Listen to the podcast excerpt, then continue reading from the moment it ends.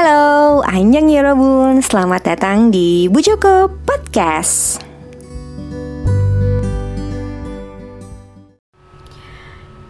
um, Yorobun, gue gak tahu harus gimana untuk mau mulai uh, pembukaan di podcast episode kali ini. Karena gue tidak bermaksud sih tadinya bikin episode ini gitu. Karena uh, gue ngeliat kok uh, episode-episode gue tuh banyak kan drakor ya akhir-akhir ini gitu. Sementara Bujoko podcast sendiri tuh kan sebenarnya nggak gue niatnya niat awalnya tuh kayak nggak pengen apa namanya drakor aja gitu. Tapi kayak banyak hal yang lain yang pengen gue up di sini juga. Tapi um, ya banyak keterbatasan lah ya banyak keterbatasan biasalah ibu-ibu ya ribet sama anaknya gitu. Jadi gue nggak tahu nih gue gue mau ngebahas apa gitu di sini. Tapi um, gue tuh suka kadang mikir ya akhir akhir akhir ini gitu. Karena di circle gue tuh kayak uh, gue sebagai seseorang yang berusia 29 tahun gitu um, udah menikah 8 tahun gue ngerasa kayak uh, gue ah gue muda banget ya nikah dulu di usia yang ngapain gitu. Kalau gue pikir sekarang kayak kenapa ya gue di usia itu menikah gitu? Bukan berarti gue nggak bahagia gue bahagia gue bahagia dengan pernikahan gue. Cuma maksudnya kayak harusnya di usia itu gue lagi seneng senengnya kerja seneng senengnya kuliah seneng senengnya berteman gitu ya. Tapi untungnya gue ketemu dengan orang yang tepat. Jadi maksudnya meskipun gue dalam tanda kutip kehilangan uh, masa apa ya transisi dari remaja ke dewasa itu ya masa single gue gitu. Harusnya kan gue lagi explore banyak hal gitu. Cuman ternyata gue malah menikah gitu. Uh, tapi gue tidak apa ya maksudnya gue nggak nggak nggak nggak menyesal yang gimana gitu. Cuman kayak kenapa ya gue nggak pas saat muda tuh gue nggak kerja aja gitu. Gak kerja menikmati masa muda gue gitu. Meskipun ya gue bersyukur sekarang akhirnya gue nikah. Cuman jadi gue uh, akhirnya gue jadi mikir gini uh, kalau misalnya dengan orang mau nikah muda tuh gue kayak lo yakin gitu nikah di usia yang uh, nikah muda tuh usianya berarti kalau menurut gue ya kayak di bawah 25 tahun tuh menurut gue udah nikah muda gitu kan. Sementara di atas 25 ya berarti usianya usia matang. Kalau menurut gue nggak ada yang namanya nikah cepet ah, nggak uh, ada yang namanya telat menikah. Sorry nggak ada yang namanya telat menikah gitu. Semua orang tuh nikah pada saat usianya tepat menurut Allah gitu. Ya mungkin pada saat itu juga gue di usia 21 22 itu emang um, ya usia yang tepat menurut Allah untuk gue nikah gitu. Tapi gue kayak sekarang tuh gue kepikir kenapa ya gue kenapa gue memutuskan untuk menikah gitu? Dan kalau menurut gue masalah nikah itu apa namanya ya gue sebenarnya nggak keberatan siapa pun orangnya mau nikah di usia misalnya pokoknya di usia yang sudah legal ya minimal tuh kan kayak 19 tahun kalau nggak salah ya itu mau nikah di usia segitu pun nggak apa-apa. Atau nikah di usia misalnya 30 tahun atau berapa berapa tahun pun nggak masalah kan. Yang penting kan bahagia-bahagia aja ngejalaninnya ya nggak? Dan ya pernikahannya dilakukan tidak melanggar uh, norma agama nggak ngerebut suami orang ya kan? Enggak apa namanya kawin lari gitu misalnya. Ya nikahnya nikah sesuai aja gitu. Jadi menurut gue kayak uh, apakah uh, sekarang ini orang harus uh, galau ketika dia udah usianya misalnya matang terus belum nikah kalau menurut gue nggak usah galau lah ya. Karena juga manusia itu kan kayak manusia tuh nggak nggak tahu gitu apa yang terbaik buat dirinya. Yang tahu tuh cuman Allah. Dan orang-orang yang misalnya kalian lihat belum nikah itu bukan berarti nggak mau. Mereka juga sebenarnya mungkin mau tapi lagi-lagi kan jalannya nggak mudah gitu.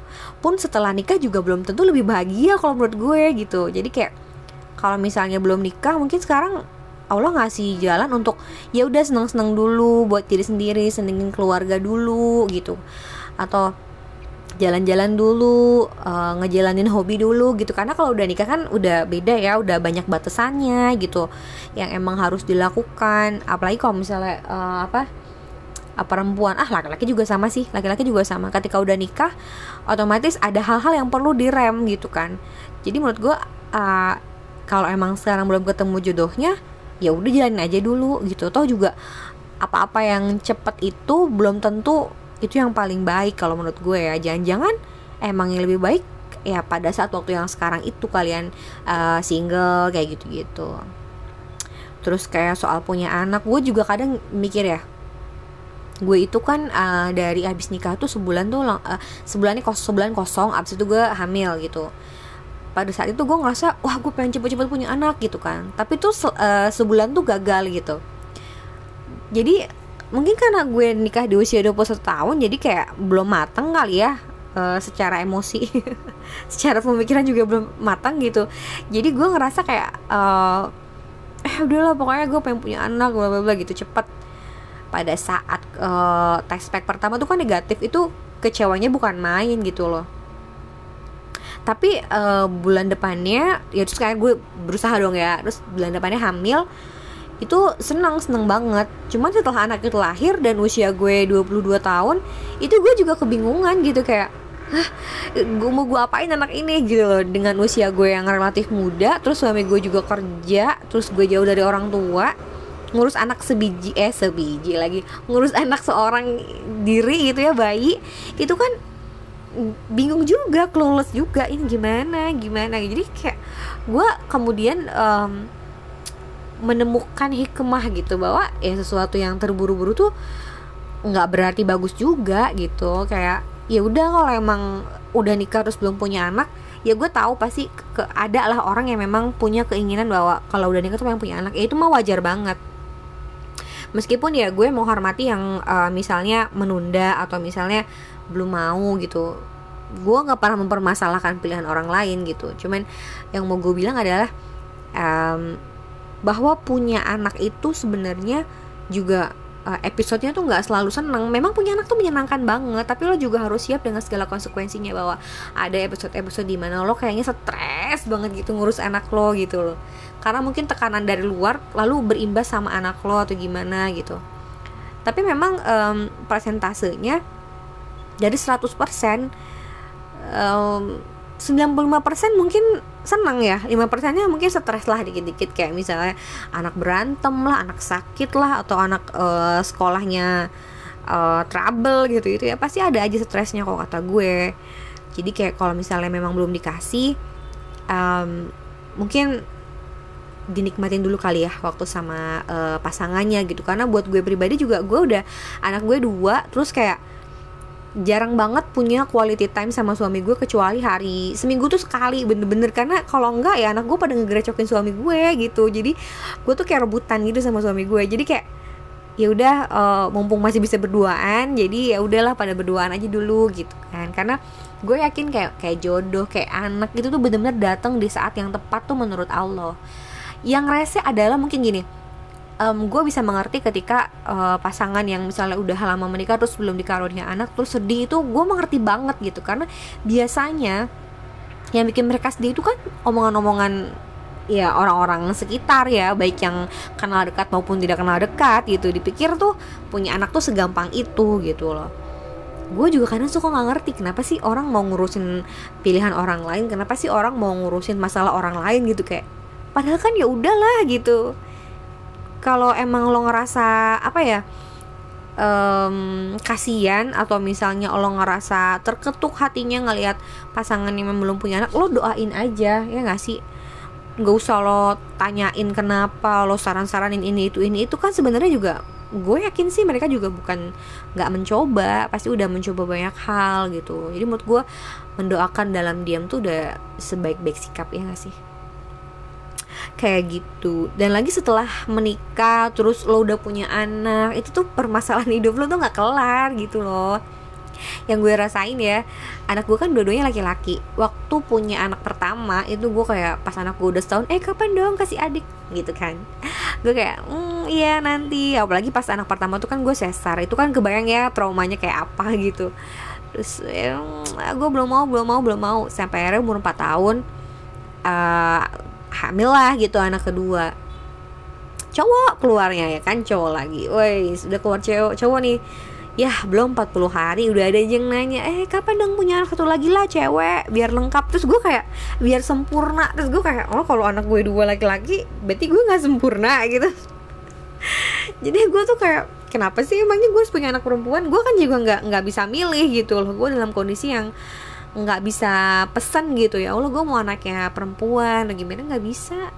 Kalau misalnya ya udah satu lagi perempuan deh gitu penasaran. Yang penasaran sebenarnya malah netizen gitu loh. Gue sama laki gue kayak enggak kok kita bersyukur kok punya anak dua gitu. Dan ya karena kita tahu lah kemampuan kita secara fisik kita tuh ngurus dua anak aja lelah banget sih gitu. Kalau mau tambah satu lagi ya gue sama suami gue nggak sanggup gitu. Kan setiap orang beda-beda dong. Ada yang sebelas ngurus sendiri um, apa sanggup ya alhamdulillah. Kebetulan gue nih nggak sanggup nih dua aja gue udah udah ngerasa overwhelming overwhelming banget gitu. Jadi kayak menurut gue dua ini cukup gitu. Cuman ya ada aja kan orang netizen tuh kadang ada aja salahnya gitu. Kita di mata netizen tuh salah mulu gitu. And then kalau udah punya anak itu kadang kita ngerasa gini dulu ya misalnya pas kita single ya udah orang hanya akan nyerang ya kitanya doang gitu. Misalnya ada orang comel ya udah paling dia akan nyerang kita doang. Tapi ketika kita udah nikah biasanya kita akan sensitif sama orang-orang yang seperti gimana ya menyerang anak kita dalam tanda kutip. Kayak misalnya anaknya ranking berapa? gitu-gitu. Atau misalnya anaknya udah bisa apa? Gue kayak kenapa sih orang harus nanya kayak gitu? gitu loh. Gue pribadi nggak nggak mau uh, ngeset standar anak gue pencapaiannya harus semana enggak memilih standar pendidikan iya.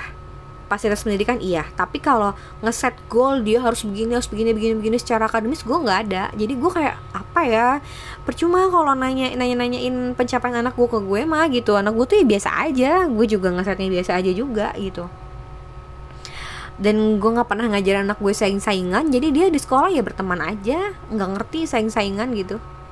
Jadi gue tuh kayak kenapa sih hidup harus banget lomba ngerti gak sih? Kayak kenapa sih kita tuh harus banget lomba siapa yang paling uh, heb bukan hebat ya apa istilahnya? Siapa yang paling misalnya kalau nikah siapa yang paling cepat nikah siapa yang paling cepat punya anak siapa yang paling uh, anaknya paling pinter gitu. Kayak buat apa sih gitu? Dan menurut gue tuh ya gue menikmatin aja prosesnya gitu loh. Gue nikah di usia segitu ya udah gue jalanin. Gue punya anak dua nggak ada anak perempuannya eh nggak apa-apa gue jalanin aja. Gue punya anak yang ya udah emang begitu kondisinya dia gitu kan. Uh, dia nggak jenius dia biasa aja. Yang penting dia sehat gue udah bahagia banget gitu. Dan gue ngerasa nggak perlu lomba sih dalam hidup ini gitu loh tapi ya nggak apa-apa kalau emang kalian uh, ada yang ngerasa oh gue mah harus begini harus begini gitu kan. Punya ambisi masing-masing punya uh, goal masing-masing ya jalanin aja. Kan sebenarnya pilihan berjalan seperti siput atau lari secepat the flash itu kan masing-masing aja ya nggak dalam menjalani hidup. Kalau gue tipe yang ya berjalan seperti siput aja lah. Gue mungkin lambat tapi ya udah nggak apa-apa. Yang penting kan mau berjalan seperti siput atau lari se secepat the flash yang penting kan sama-sama selamat pada tujuan masing-masing ya nggak sih? Dalam uh, apa prosesnya mau gimana aja yang penting kan tujuannya tercapai. Ya nggak sih kayak gitu ya Robun? Gue tahu ini omongannya kayak penting nggak penting. Cuman ya gue berusaha untuk uh, mungkin mudah-mudahan sih ada orang yang merasakan uh, lagi sedih atau gimana terus mudah-mudahan terhibur sama apa yang gue omongin bahwa it's okay it's okay kalau misalnya lo nggak seperti orang-orang lain lo nggak seperti uh, standar yang ditetapkan sama society tentang hidup itu nggak apa-apa menurut gue gitu. Kenapa emangnya? Belum nikah ya emang kenapa? Belum punya anak ya emang kenapa? Anak lo nggak pinter emang kenapa? Gitu loh. Why gitu kayak so what? Nggak apa-apa kan? Yang penting kalau hidup lo harmless lo nggak merugikan siapa pun. Yang penting lo ngejalan hidup ini bener nggak ngerugiin. Gitu kan? Ya udah gitu. Jadi ya Robun episode kali ini. Semoga ada yang mendengar dan merasa terkuatkan dalam jalan hidup ini ya dengan episode kali ini. Dasi menayo, annyeong.